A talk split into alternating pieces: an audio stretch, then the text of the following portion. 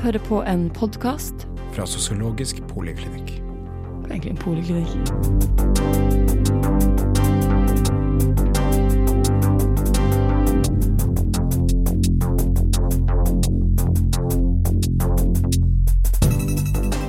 Dag Østerberg forlot oss 22.2.2017, 78 år gammel. I den anledning var han tema for Vitenskapsteoretisk forum i Trondheim den 7. mars. Møtet ble innleda av filosof Audun Øfsti, og dessuten kommentert av sosialantropolog Tord Larsen og sosiolog Aksel Tjora. Alle tre professorer ved NTNU. Dag Østerberg var en mangefasettert skikkelse i norsk sosiologi og samfunnsdebatt. Han var opptatt av en fortolkende retning i sosiologien, det han betegna som en metasosiologi. Og med stor interesse for Emil Durkheim, og var dessuten åpen politisk radikal med sterk sympati for Jean-Paul Sartre og Karl Marx. Dag Østerberg virka som professor i sosiologi ved Universitetet i Oslo fra 1981 til 1991, og senere som professor to ved Institutt for musikkvitenskap, også ved Universitetet i Oslo. I det påfølgende vil Audun Øfsti presentere et sammensatt bilde av Østerberg som han gikk på skole sammen med i Trondheim. Tord Larsen vil deretter legge vekt på Østerbergs interesse for Ernst Kassirer, og Aksel Tjora avslutter med en kort refleksjon om Østerbergs sosiologi, og hvorfor dagens sosiologer burde gi ham større oppmerksomhet. Også publikum bidro med noen historier fra deres møter med Østerberg. Opptaket er fra Antikvariatet på Bakklandet i Trondheim. Og da jeg håper jeg må introdusere første foredragsholder, og det er det er meg. Eh, Audun Øfsti. Og eh, temaet er da rett og slett eh, Dag Østerberg, eller Ja. Og eh, han var jo siden sin bokdebut med forståelsesformer i 1966 en viktig intellektuell kraft i Norge, og av et spesielt slag. Eh, Ikke først og fremst en viktig fagmann som av og til, eh, eller ofte, kom med innspill og opplysninger fra sitt fagfelt. Nei, eh, han eh, meldte seg primært med politiske, prinsipielle perspektiver eller forståelsesformer. En sammenligning med Jean-Paul Sartre er ikke misvisende her. Ganske visst eh, må det sies at Dag Østerberg ikke var som Sartre en intellektuell verdensstjerne. Men jeg vil si han var en norsk intellektuell stjerne. Sartre eh, er nå for øvrig en filosof og forfatter som Østerberg satte svært høyt. Noe ikke minst hans bok 'Jean-Paul Sartre', 'Filosofi, kunst, politikk, privatliv' fra 1993 viser. Eh, Man kunne også si at hans forhold til offentligheten mer var som forfatter enn som vitenskapelig fagmann. En eh, forskjell er likevel at der en forfatter trenger et publikum, og gjerne må betjene dette publikum ved å vise seg og delta også, eller ikke minst som dekor, ved offentlige anledninger. Der holdt Østerberg seg heller i sitt akademiske elfenbenstårn som utrettelig arbeidsmaur. Som person var han både leken og morsom, eller rettere sagt vittig, men ikke mindre, i beste forstand seriøs. Ærlig, alvorlig, rettlinjet, prinsipiell. Han lignet nok mer på Brann enn Per Gynt. Men det er kanskje mer treffende å si at han ikke passet inn på denne skalaen. Dag Østerberg ble født i Trondheim og vokste opp som sønn av byens politimester på Øvre Singsaker. I Trondheim tok han også artium ved Katedralskolen i 1957. Der satt vi i samme klasserom i tre år. Men deretter dro han sporenstreks til Oslo, hvor han etter støttefagseksamener i musikk og filosofi 59, allerede i 61 tok magistergraden i sosiologi med avhandlingen 'Den sosiale realitet'. Deretter fortsatte han i samme tempo, og etterlater oss slik en svært omfattende og mangslungen produksjon. Fra forståelsesformer, eh, Pax på Pax i 1966, til hans siste bok, 'Musikkfeltet', sammen med Rudolf Terland Bjørnerem, som kom ut i forrige uke eller så. Ja, om, eh, om tiden eh, 1958 til 61 må det nevnes at eh, Det var jo i starten av Østerbergs eh, studium, da. Må det nevnes at eh, Filosofisk institutt i Oslo den gangen holdt til i Uranienborgveien, i krysset til Oscars Oscarsgate, i Halling skole, som nå er revet. Med den svært nærliggende restaurant Krølle, hvor bl.a. Hans Skjervem gjerne satt, klar til diskusjon og innføring i tysk tenkning. Filosofimiljøet omfattet den gangen først og fremst Arne Næss og Knut Erik Tranøy på lærersiden. På studentsiden var vi høsten 58 en åtte-ni stykker, som inkluderte Stein Meren og Sigmund Kvaløy, senere Sætrein, eh, samt Else Barth. En litt eldre kvinne, jeg tror hun var jo kanskje 25 eller noe som fant kjærligheten og forsvant til Nederland med sin, med sin mann. da. Men hun gjorde seg senere gjeldende også i Norge, bl.a. med en bok om Vidkun Quisling. Ikke særlig rosende omtale av Quisling. Når det gjelder Østerbergs faglige profil, er det karakteristisk at svært mange av hans skrifter beveger seg i et terreng hvor det ikke er så lett å skille mellom sosiologi og filosofi eller sosialfilosofi.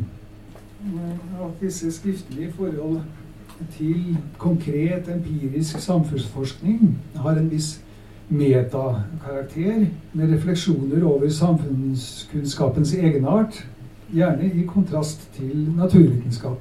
Det kan jo nevnes da, som, kanskje som et fremtredende trekk, fremtredende særtrekk ved, ved samfunnsforskning at i motsetning til naturvitenskapens gjenstand, så finnes i samfunnsforskningens gjenstand allerede og nødvendigvis kunnskap om denne gjenstanden.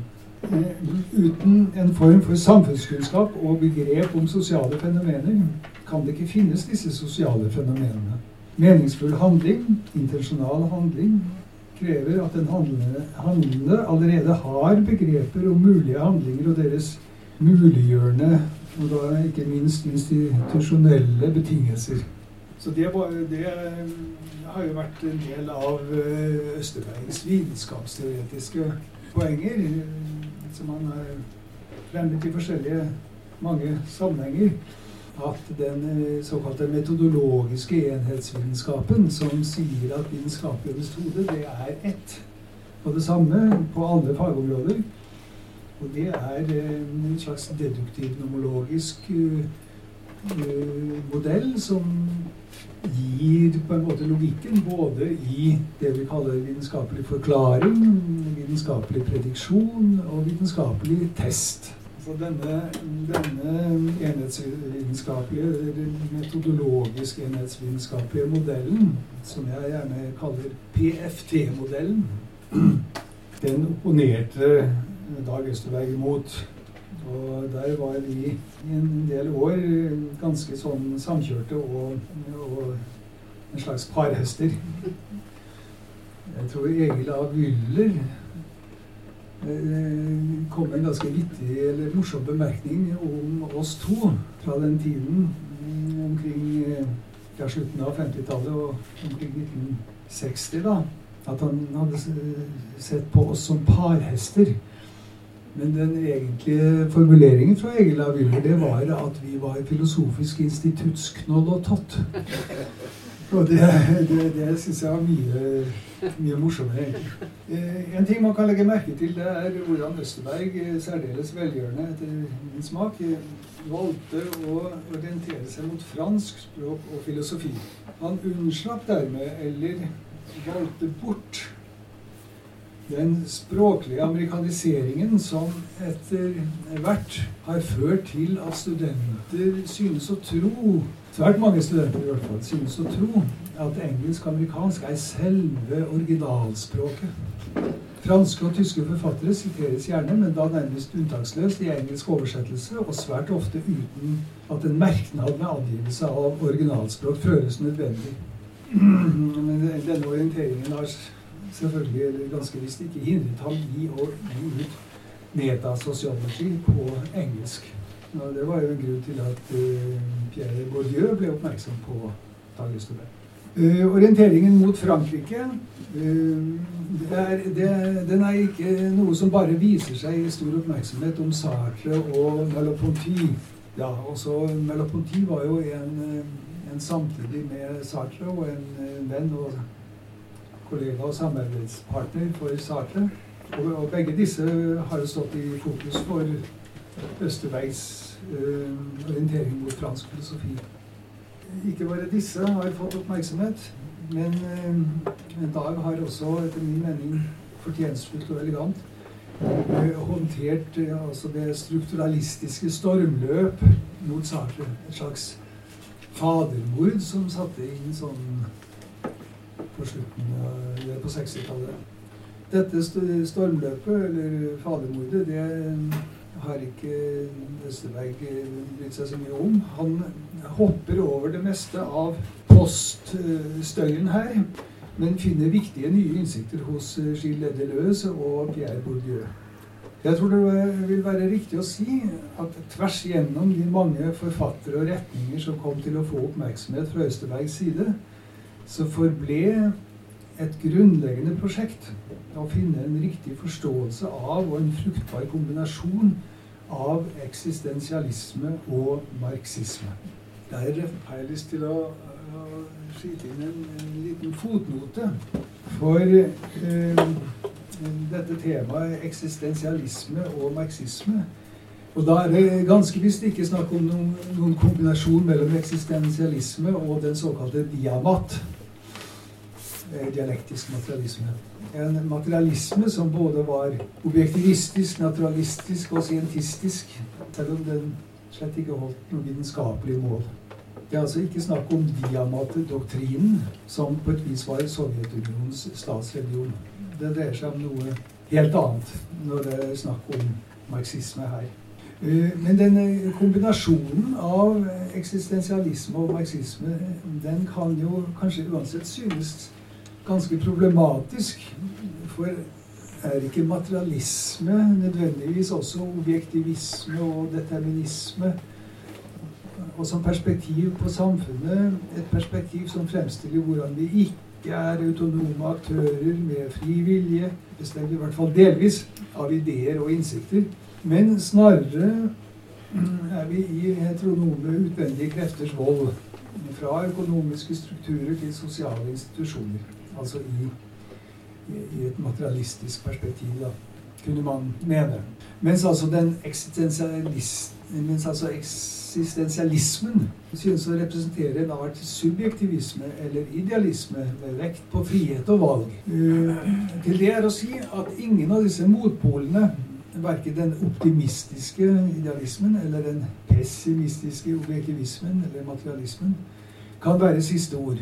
Det kan vel også sies at i sitt siste hovedverk, i 'Kritikk av den dialektiske fornuft', eh, er det nettopp eh, denne problematikken og oppløsningen av en motsetning i samfunnsforståelsen mellom eksistensialisme og en rett forstått marxisme som er Sartres anliggende. Da denne, denne kritikken, kritikk til det som dialektikk, kom ut i 1960, kastet Dag og jeg oss over denne teksten og strevde oss gjennom den tross for ikke særlig gode franskkunnskaper.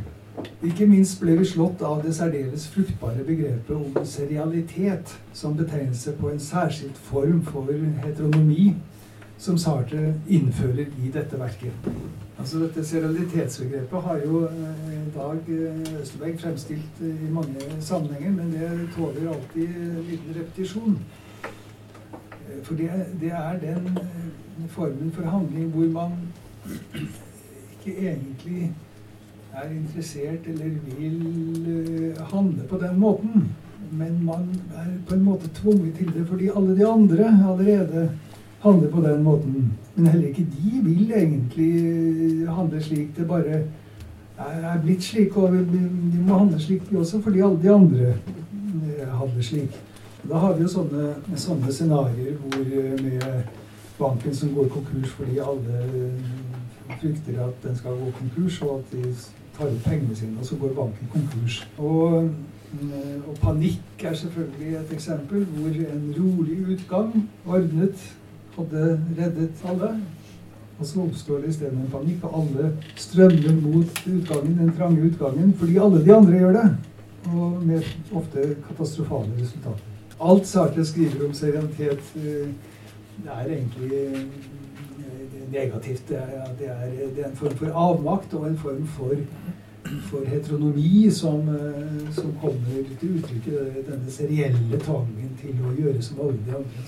Slik sett er vi tilbake til hulelignelsen og dimensjonen emansipasjon, frigjøring, som var en ganske viktig dimensjon for Dag Østerberg. Men i motsetning til Platon bør vi kanskje se på eh, kampen for å komme ut av hula. Altså Jeg regner med at de fleste har X-fil, sånn at de vet hva hulelidelsen går i. Uten X-fil kommer man det er vanskeligere å komme ut av hula. altså eh, å se på kampen eh, for å komme seg ut ikke som en kamp som kan krones med seier, men som en alltid nødvendig anstrengelse.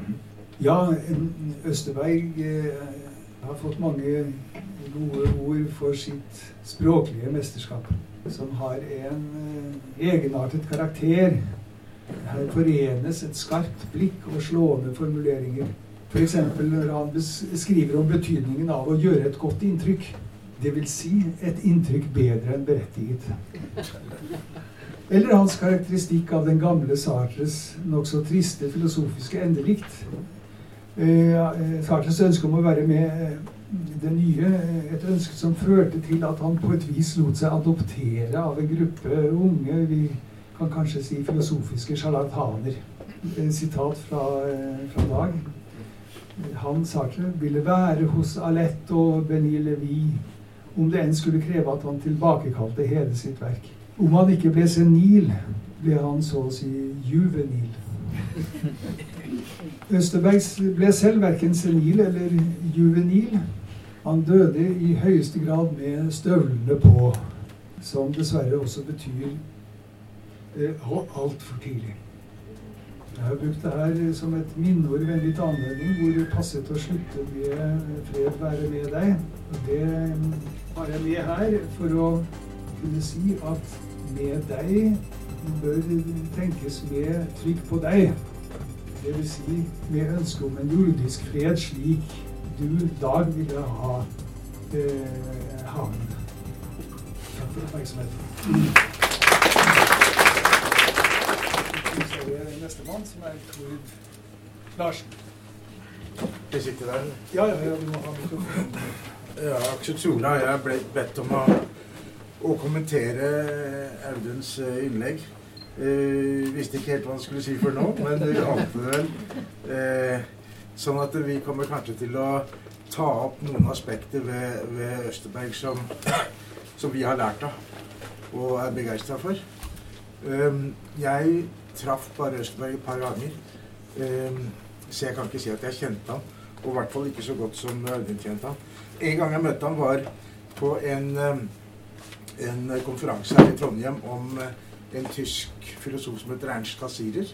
Han har et, et bidrag i denne boka som var resultatet av konferansen i 99. Jeg holder fremdeles på å gjøre ferdig mitt innlegg. Det er ikke, det er ikke utskrevet ennå. Det var det eneste, ene gang jeg traff ham. Og det er litt om Østerberg og Ernst Kasiri jeg har lyst til å snakke om i dag.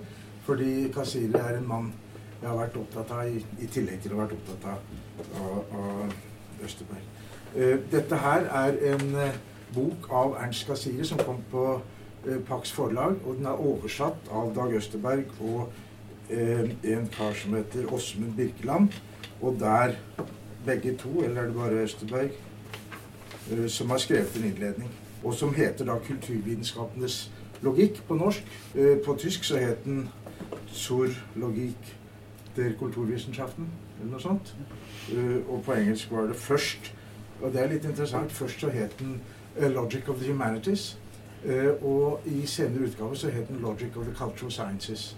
Så det var liksom en vridning der fra åndsvitenskap til, til kulturvitenskap. Ja. Jeg vet ikke akkurat hvor lenge jeg skal holde på, men, men lite grann uh, omkring uh, berøringspunkter mellom Østerberg og kassirer. Og da har jeg lyst til å begynne litt eh, eh, Hva skal vi si Hva Østerberg ikke mente, hva Østerberg var kritisk mot.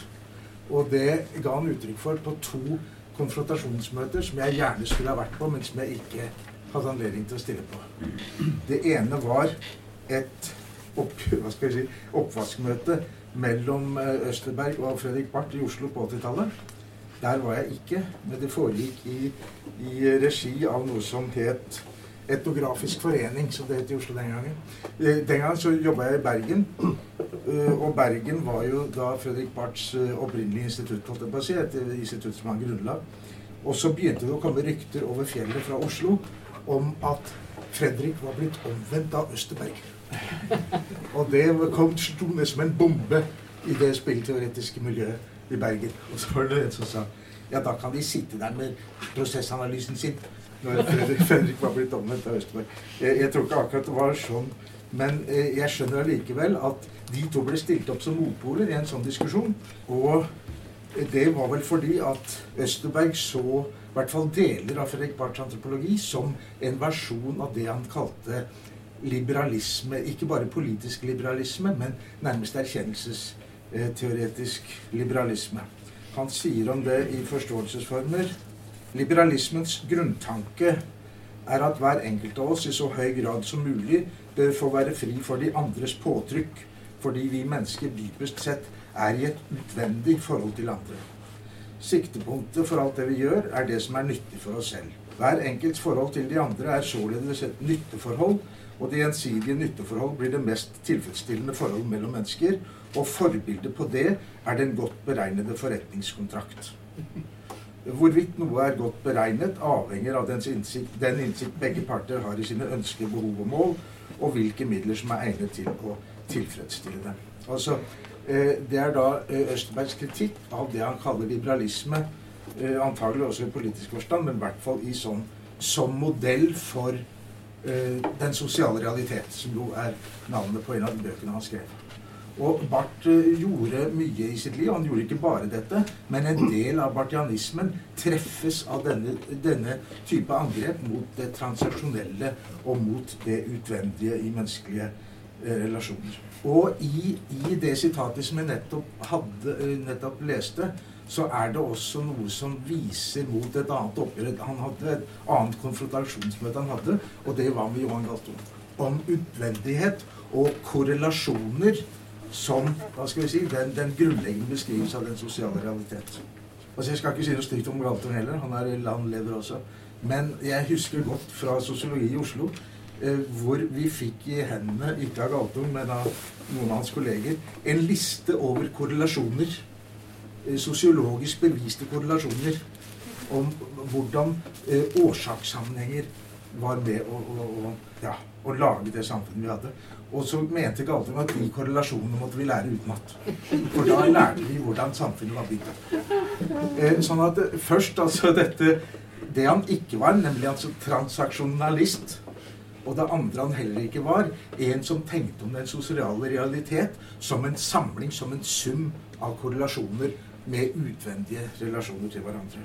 Eh, og dette definerer Østerberg som utvendighet en sak, Han definerer utvendighet som en sak berøres ikke av det som er den utvendig.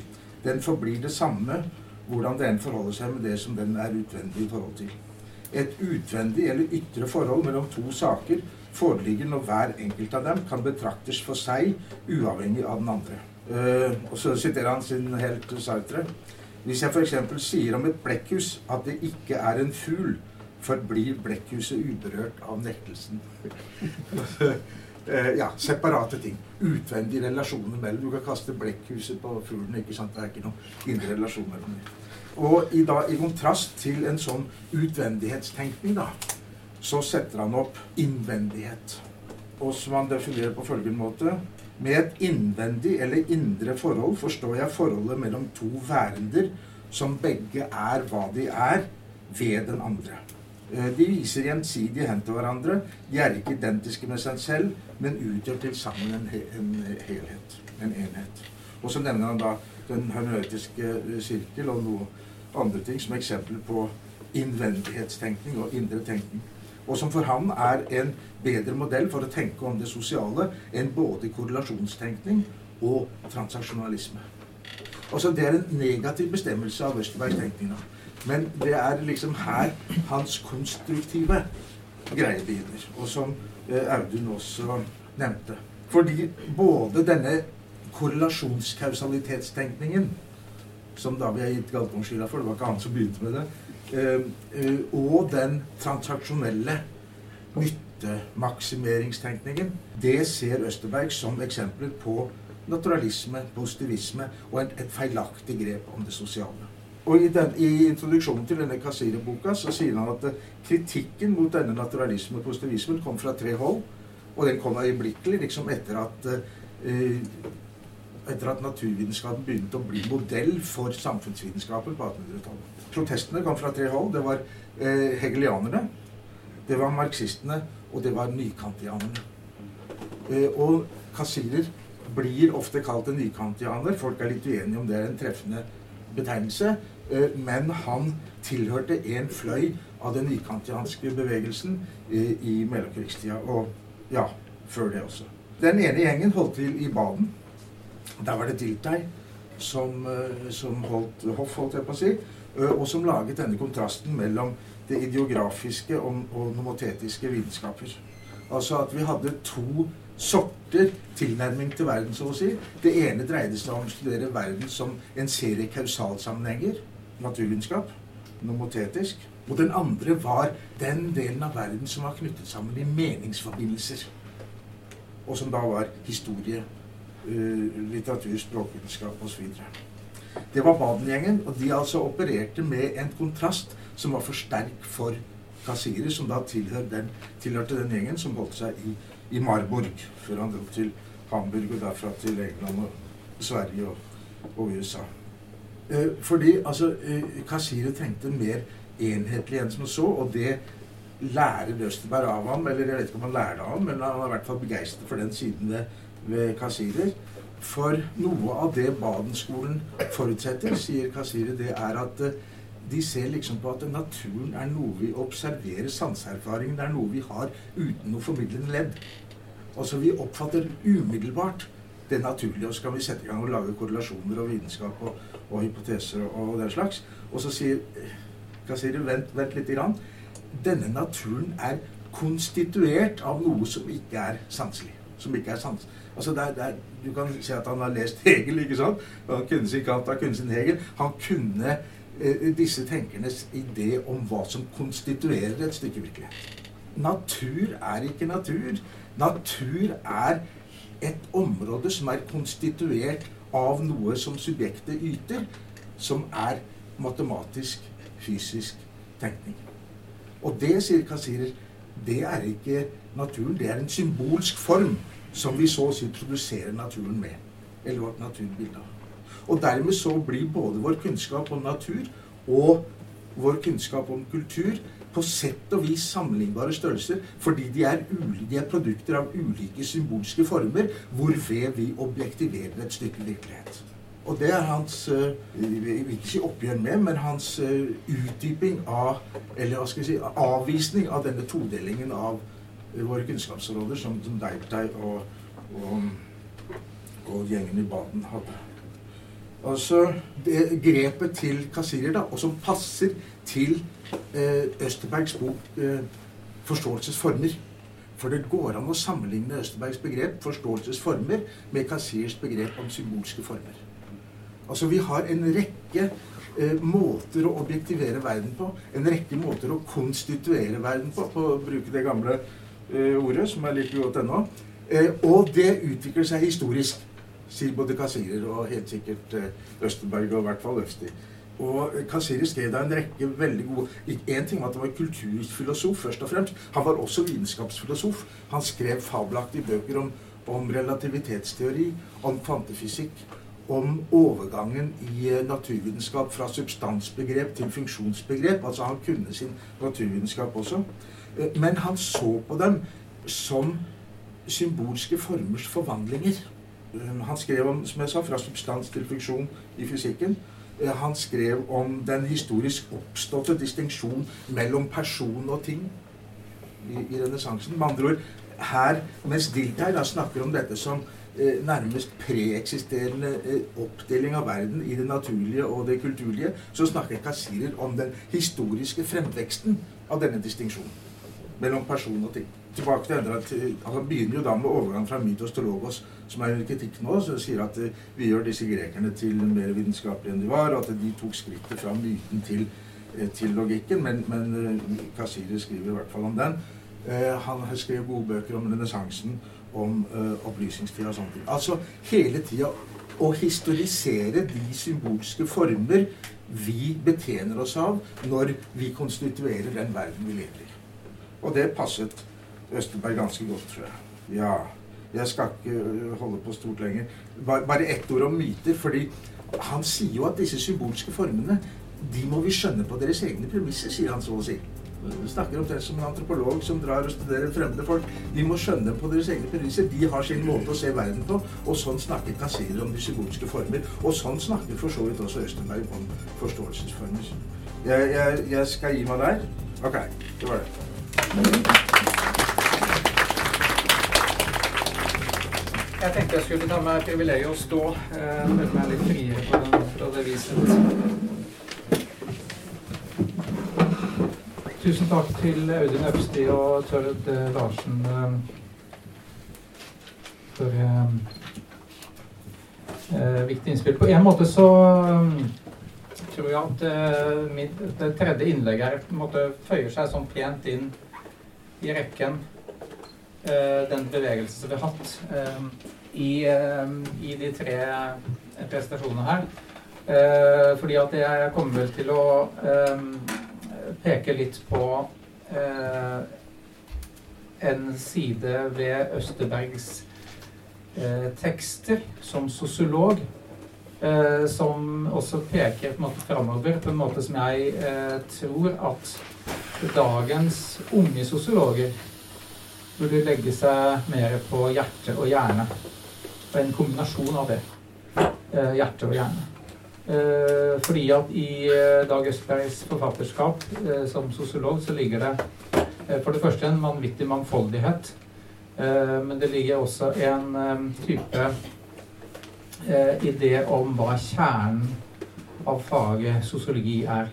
Så Dag Østberg snakker bl.a. om noe av, i noen av sine bøker om sosiologismer og metasosiologi eh, som på en måte er det fundamentale grunnlaget for hva sosiologi er, eller hva sosiologer skal burde være opptatt av.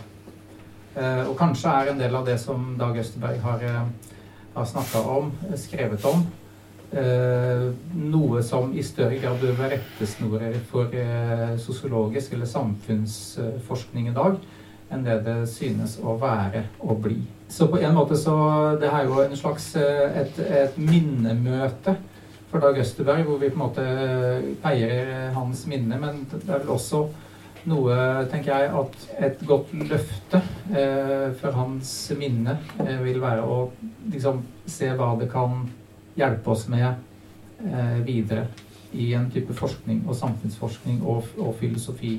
Jeg tenkte jeg skulle begynne med rett og slett altså Dag Østberg, som jeg deg, har jo en mangfoldig produksjon, men en, en, en, bok som jeg litt sånn tilfeldig dro tilbake til etter at uh, Helge Høybråten uh, spurte meg om jeg kunne være med og bidra litt. Det var den uh, boka som jeg tror den kom på første gang i 1978, som heter 'Handling og samfunn'. den, den, den utgaven her er gitt ut på Pax 1990. og på en måte så bare slo det meg når jeg bladde gjennom den jeg har gjort det tidligere, men for mange mange år siden. Men jeg satt og kikka mer på nå i siste, så slo det meg at veldig mye av det som Dag Østberg trekker fram av klassikere i boka, er et fantastisk godt grunnlag for hvordan tenke sosiologisk, og hva slags type sosiologer man burde i større grad trekke fram i dag. Og Dag Østberg har en veldig fin formulering i introduksjonen. Jeg tenkte jeg skulle lese den, for den, den, er, den planter liksom eh, det sosiologiske beinet solid i bakken og han sier alle og enhver skulle kunne lære noe av denne leseboken, finne et gyllent tankekorn, få bekreftet en anelse, få større utsyn over samfunnet, få rokket ved en tilvant, men feilaktig oppfatning, eller bli ansporet gjennom uenighet til å utforme bedre ens egne standpunkter. Bokens tekster er likevel ikke valgt i det hovedøyemed at flest mulig skal kunne lese og forstå dem uten større hodebry. Tvert om har tanken vært å finne tekster som er krevende nok for alle, dvs. Si tekster det går an å fordype seg i på ny og på ny. Erfaringsmessig er det ofte slik at den som har vært gjennom en første innføring i sosiologisk teori, står i stampe etterpå. Han eller hun går trett av de nylig tilegnede sosiologiske begrepene norm, rolle, plass osv. de virker forterskede.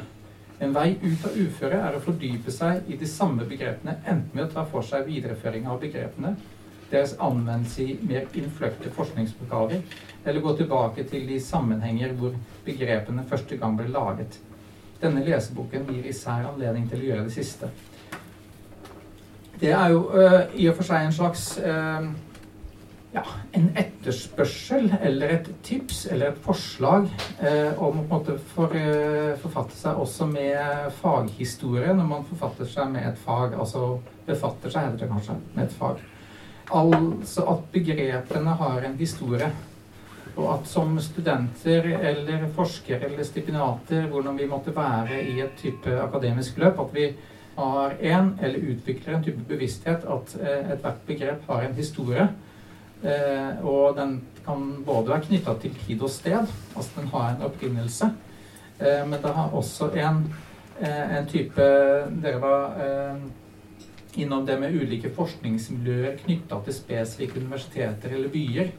Eller eh, Dag Østerberg, som er eh, opptatt av Sert, At det er også det var et type kafémiljø i Paris som også danna en miljø for en del av de diskusjonene som Sert var en del av. Altså det er en type kontekst for de ideene og de begrepene som, som framkommer. Og jeg tror at det, det som Dag Østberg peker på her, eh, har om ikke blitt glemt, så har det blitt fortrengt av en type altfor industrialisert måte å tenke høyere utdanning på.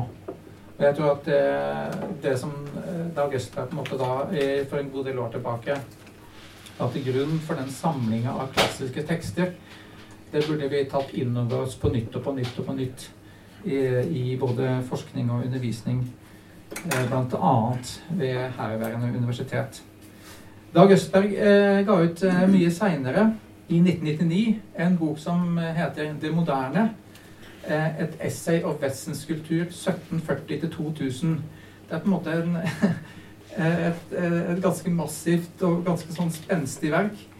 Jeg tenkte også sånn eh, Jeg hadde ikke tenkt å gjøre det så veldig langt, eh, men jeg tenkte å ta, bruke litt av det her som en avslutning. fordi at det, det peker på en måte framover ved noe, en annen side av Østerberg som ikke nødvendigvis er den her eh, sosiologen, men også på en måte er eh, samfunnskritikeren og mennesket i, i, i samfunnet som, som, kommentator og som intellektuell. Uh, og jeg tror også at det er en side som man uh, i mye, mye større grad må ta tilbake i, uh, i en, måte, en, en, ny generasjon av både samfunnsvitere, filosofer og på en måte innenfor hele akademiet. Vår kjære rektor Gunnar Bovim påkaller større debattdeltakelse blant NTNUs forskere det han da etterlyser, er i hovedsak teknologer og naturvitere som kan forholde seg til hva som er fakta og ikke. Fordi at Bovim har ikke begreper om at forskning strekker seg langt utover fakta, men at forskning også handler om perspektiver og teoretikere, eh, teorier, teoretikere, faghistorikk og forståelsesformer. Eh, og det eh, gjør det på en måte maktpåliggende, mener jeg, å på en måte gjøre oppmerksom på, både fra humaniora-sida og samfunnsvitenskapssida, at forskning handler om veldig mye mer. Om at man ikke må på en måte leve seg inn i en type vrangforestilling om at det forskere skal holde på med, er på en måte redusere eh, om, omfanget av fake news og ikke faktabasert eh, type eh, offentlige kunngjøringer, for å si det sånn. Men at det handler om å komme fram med perspektiver som, som, både er gyldige, relevante, og som har en eh, framtid og en berettigelse i en mer kompleks forståelse av samfunnet. Nettopp det som Dag Østberg bl.a. peker på ved det, det, som jeg ville tenkt på mer type sånn interaksjonistisk konstruktivistisk holdning til f.eks. hva fellesskap og samfunnsdannelse handler om. Så jeg tenkte jeg bare skulle I, i helt sånn avslutning i, i den boka her så skriver Dag Østerberg og, og, boka handler på en måte om det moderne. Så det er jo moderniteten som Østerberg i stor grad måtte kommunisere da på, på avslutningsvis.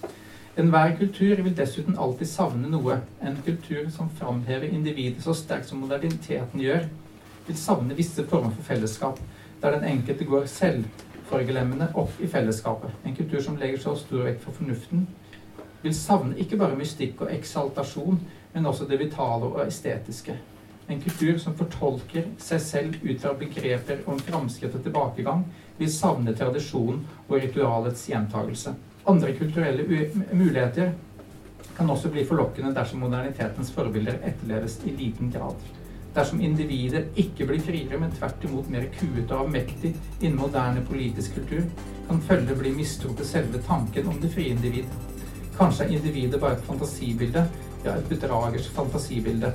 Kanskje er forskjellige oppfatninger om et kollektiv tilværelse mer virkelighetstro. Takk. verken diskusjon eller spørsmål. Men uh, det er jo en minnesmøte om uh, Dag Østerberg. Jeg tror jeg skulle tilføye en erindring om Dag Østerberg. Og jeg tror han ville ha likt det, selv om det ikke har noe å gjøre med hans vitenskapelige prestasjon. vi var en gang på et møte, det var i begynnelsen av min karriere i Norge. Og vi spilte sjakk med arkitekturavdelingen under ledelsen eh, av også Audun eh, Østby. Og også Brochmann var med. Jan Brochmann var egentlig spiritus rektor. Og vi hadde et meget stor og imponerende hytte. Egentlig i begynnelsen av Dovrefjellet og var der forsamlet til å spille sjakk. Og Dag Østerberg var også med. Og det var mitt første møte med ham. Og etterpå har vi dessverre ikke hatt anledning å treffe hverandre en gang til. Altså, jeg er ingen venn eller god kjennskap av Østerberg, men jeg husker denne ene anledning. Og vi spilte sjakk, og det ble mye drukket. Det var imponerende hvilken alkohol forsvant. Og neste morgen øh, var det altså å komme på beina igjen. Og jeg hadde begynt øh, å jogge. Og var til og med så omtenksomt å ta med mine joggesko. Og nå kommer jeg til Dag Østerbergs støvler. Han døde med på, men han døde også midt i livet og har samlede verk som var imponerende. Og han hadde med seg store grønne gummistøvler. Og han var så vennlig, for de var også ny. Og han var også interessert i meg fordi jeg underviste tysk litteratur og var ny professor. At han tok på seg disse svære, store, grønne gummistøvler. Og vi jogget med hverandre. Og etter denne jogging, eller mens vi jogget, blir et problem ikke løst, det var det vitenskapelige. Men et annet problem blir løst. Det første problemet var at Østerberg og jeg vi diskuterte eh, med stor interesse og gevinst osv., men uten å finne en løsning. Thomas Manns Dr. Faustus. Denne gårde, og han var den riktige, fordi han var jo også interessert og hadde kunnskap i musikk. Og jeg tror jo Thomas Mann hadde visse konservative instinkter instinkter og likte ikke denne musikk. Jeg tror det er løsningen. Men vi kom ikke til denne løsningen. Men den andre som har blitt en løsning, var det følgende. Etter vi kom hjem og hadde jogget, og jeg hadde sett at Dag hadde virkelig vansker å komme til rette med disse store, grønne gummistøvler.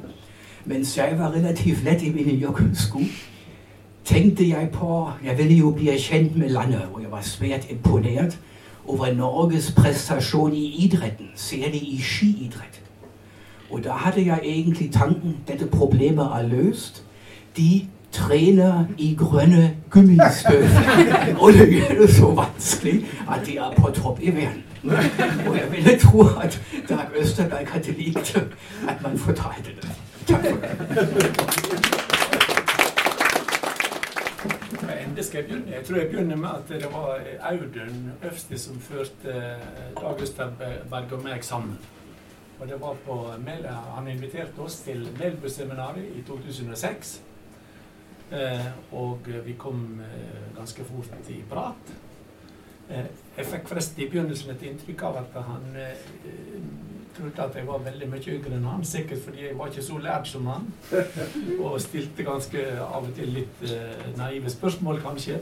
Men jeg fortalte ikke han at jeg var nesten like gammel som han. Jeg tenkte at han skal få leve i den trua der. Og, og det er jo mye bedre å være en, en ulært student enn å være en ulærd uh, gammel mann. Um, Siste dagen på seminaret der i Melbu var ledig. Vi hadde ikke noe mer å finne på. Og da foreslo jeg til Dag at vi kan leie en bil, og så kjører vi til Nyksund. Helt øverst, så langt det går an å komme i Vesterålen. Veien slutter i Nyksund. Nyksund er et gammelt fiskevær som er nedlagt, og der har det nå samla seg opp en del originaler som prøver å selge eh, middelmådige eh, maleri og, og, og, og forskjellige smykker osv. Men det er en veldig god kafé eller restaurant, faktisk av veldig høy kvalitet. Og den setter Dag stor pris på. Eh, ellers så snakka vi om alt på den turen der. Det var den, Vi starta etter frokost og kjørte oppover til Nyksund og var der i flere timer. Og så tilbake igjen til, eh, til eh, Melbu. Og Dag snakka om alt. Vi var inn på, Selvsagt så var vi inne om filosofi, sosiologi, arkitektur. Masse om arkitektur. Forresten også veibygginga sin klassekarakter var vi også inne på. sånne ting. Eh, og eh, det var faktisk ikke et tema vi ikke var inne på omtrent. Og så eh, Så jeg fikk et veldig godt Jeg fikk et, et, et nokså bra bilde av Dag. Og senere så holdt vi kontakt gjennom e-post, og jeg har møtt han et par ganger også etter Melbu-seminaret. Og vi har utveksla en del uh, synspunkt på, på e-post, som sagt. I fjor så ga han et intervju til Ny Tid. Stort sett de intervjuene han ga etter den siste boka si, syns ikke jeg var så veldig spennende. Men det han sa til Ny Tid, syns jeg var interessant, fordi at det var ganske sjølbiografisk, det han kom fram. Og Jeg har lyst til å sitere litt av det der. Jeg kan jo ikke sitere på bokmål, men jeg skal prøve å klare det. Eh, alt dette her sier han sjøl, altså. Jeg har nok stort sett vært en ganske flink mann. Men jeg har også tenkt Hvorfor er jeg så flink? Kunne jeg ikke tenkt eh, meg et annet prosjekt som går på, eh, på å trives mer i verden? Det har hele tiden ligget under at man skal være flink. Min far var en flink mann, men han kom fra små kår. Så vi har aldri hatt noen penger. Litt penger må de jo ha. Og da gjorde vi oss flinke. Men jeg kunne sikkert vært en mye mer behagelig mann, jeg, hvis jeg ikke var så flink. Veldig flinke mennesker har ofte de mer usympatiske trekkene som gjerne følger med. Dette her er litt av sjølironien til Dag Østerberg, også sånn som jeg lærte han å kjenne.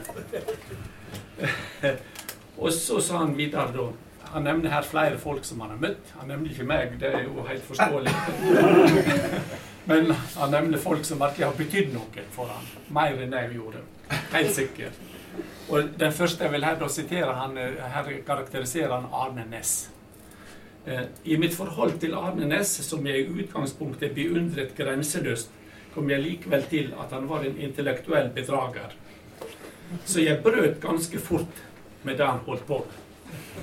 Og, og, og, der er noe med Dag sin karakter som jeg også oppdaga, som jeg faktisk syns var veldig sjarmerende. Altså, eh, og så eh, kommer vi til en eh, annen person. Skal vi se Det var eh, ja, ja, Han blir jo da spurt Norges mest kjente filosof, en bedrager, sier intervjueren. Uh, ja, og så sier jeg da jeg var uenig i selve tankegangen hans og ble etter hvert skuffet over ham som person. Så er han rett ut sånn. Ja. Så var det Hans Skjervheim, som sikkert mange av dere også har møtt. Altså, jeg var faktisk en ganske god venn av Hans Skjervheim. Eh, men, men en måtte jo faktisk jenke seg litt etter han. Det syns jo jeg. Men her skal det her kanskje synes som Hans Skjervheim. Så traff jeg Skjervheim da. Da han var en ung mann, sier han. Jeg tilegnet ham min magistergrad fordi jeg syntes det var stor, et storartet arbeid han hadde gjort. Så magistergraden ble tilegnet Hans Skjervheim.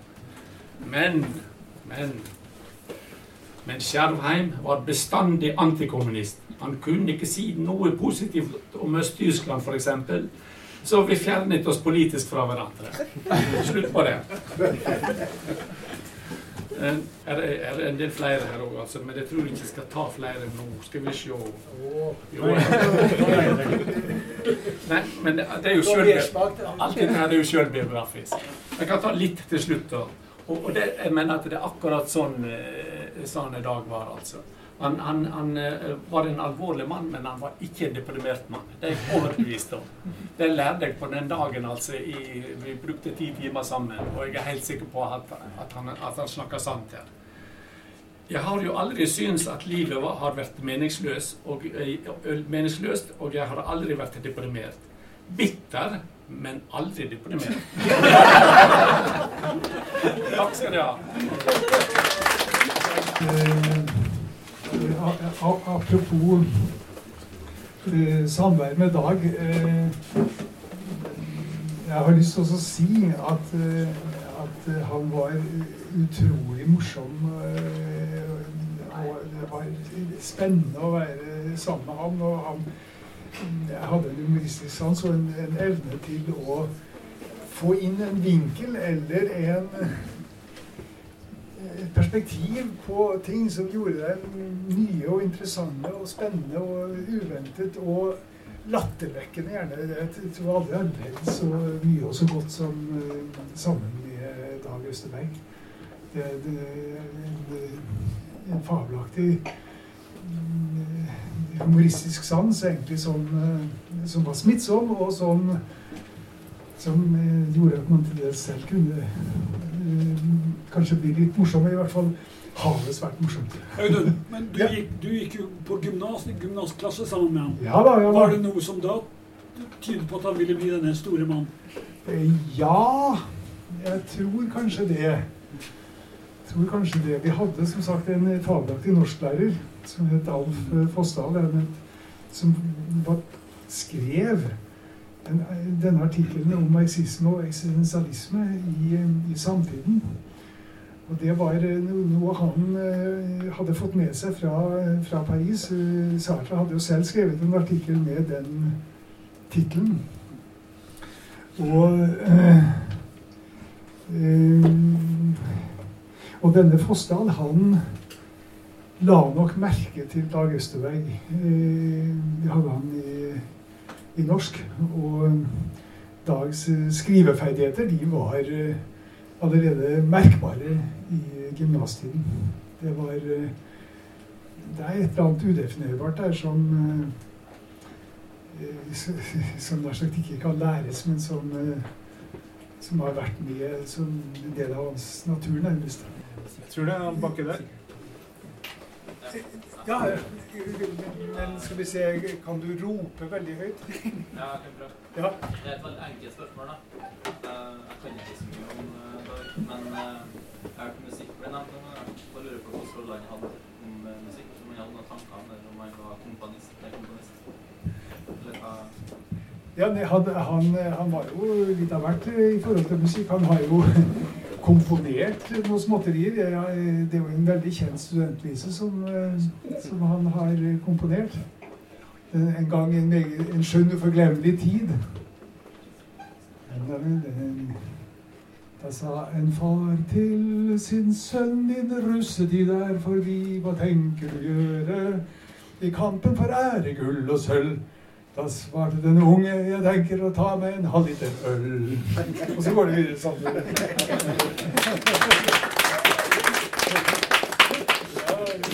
Så, så eh, det var jo den mer hva skal vi si, lette musikksjangeren eh, på dags forhold.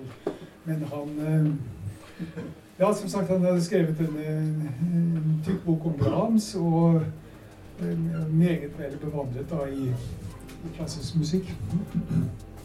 På det, på det, ordet så tror jeg Jeg fikk akkurat beskjed fra servitøren at Da vil de gjerne bruke lokalet til noe Ja. med det. Ja, det, det, det stemmer med, med tradisjonen her. Vi, Nei, eh, takk for eh, oppmøtet og eh,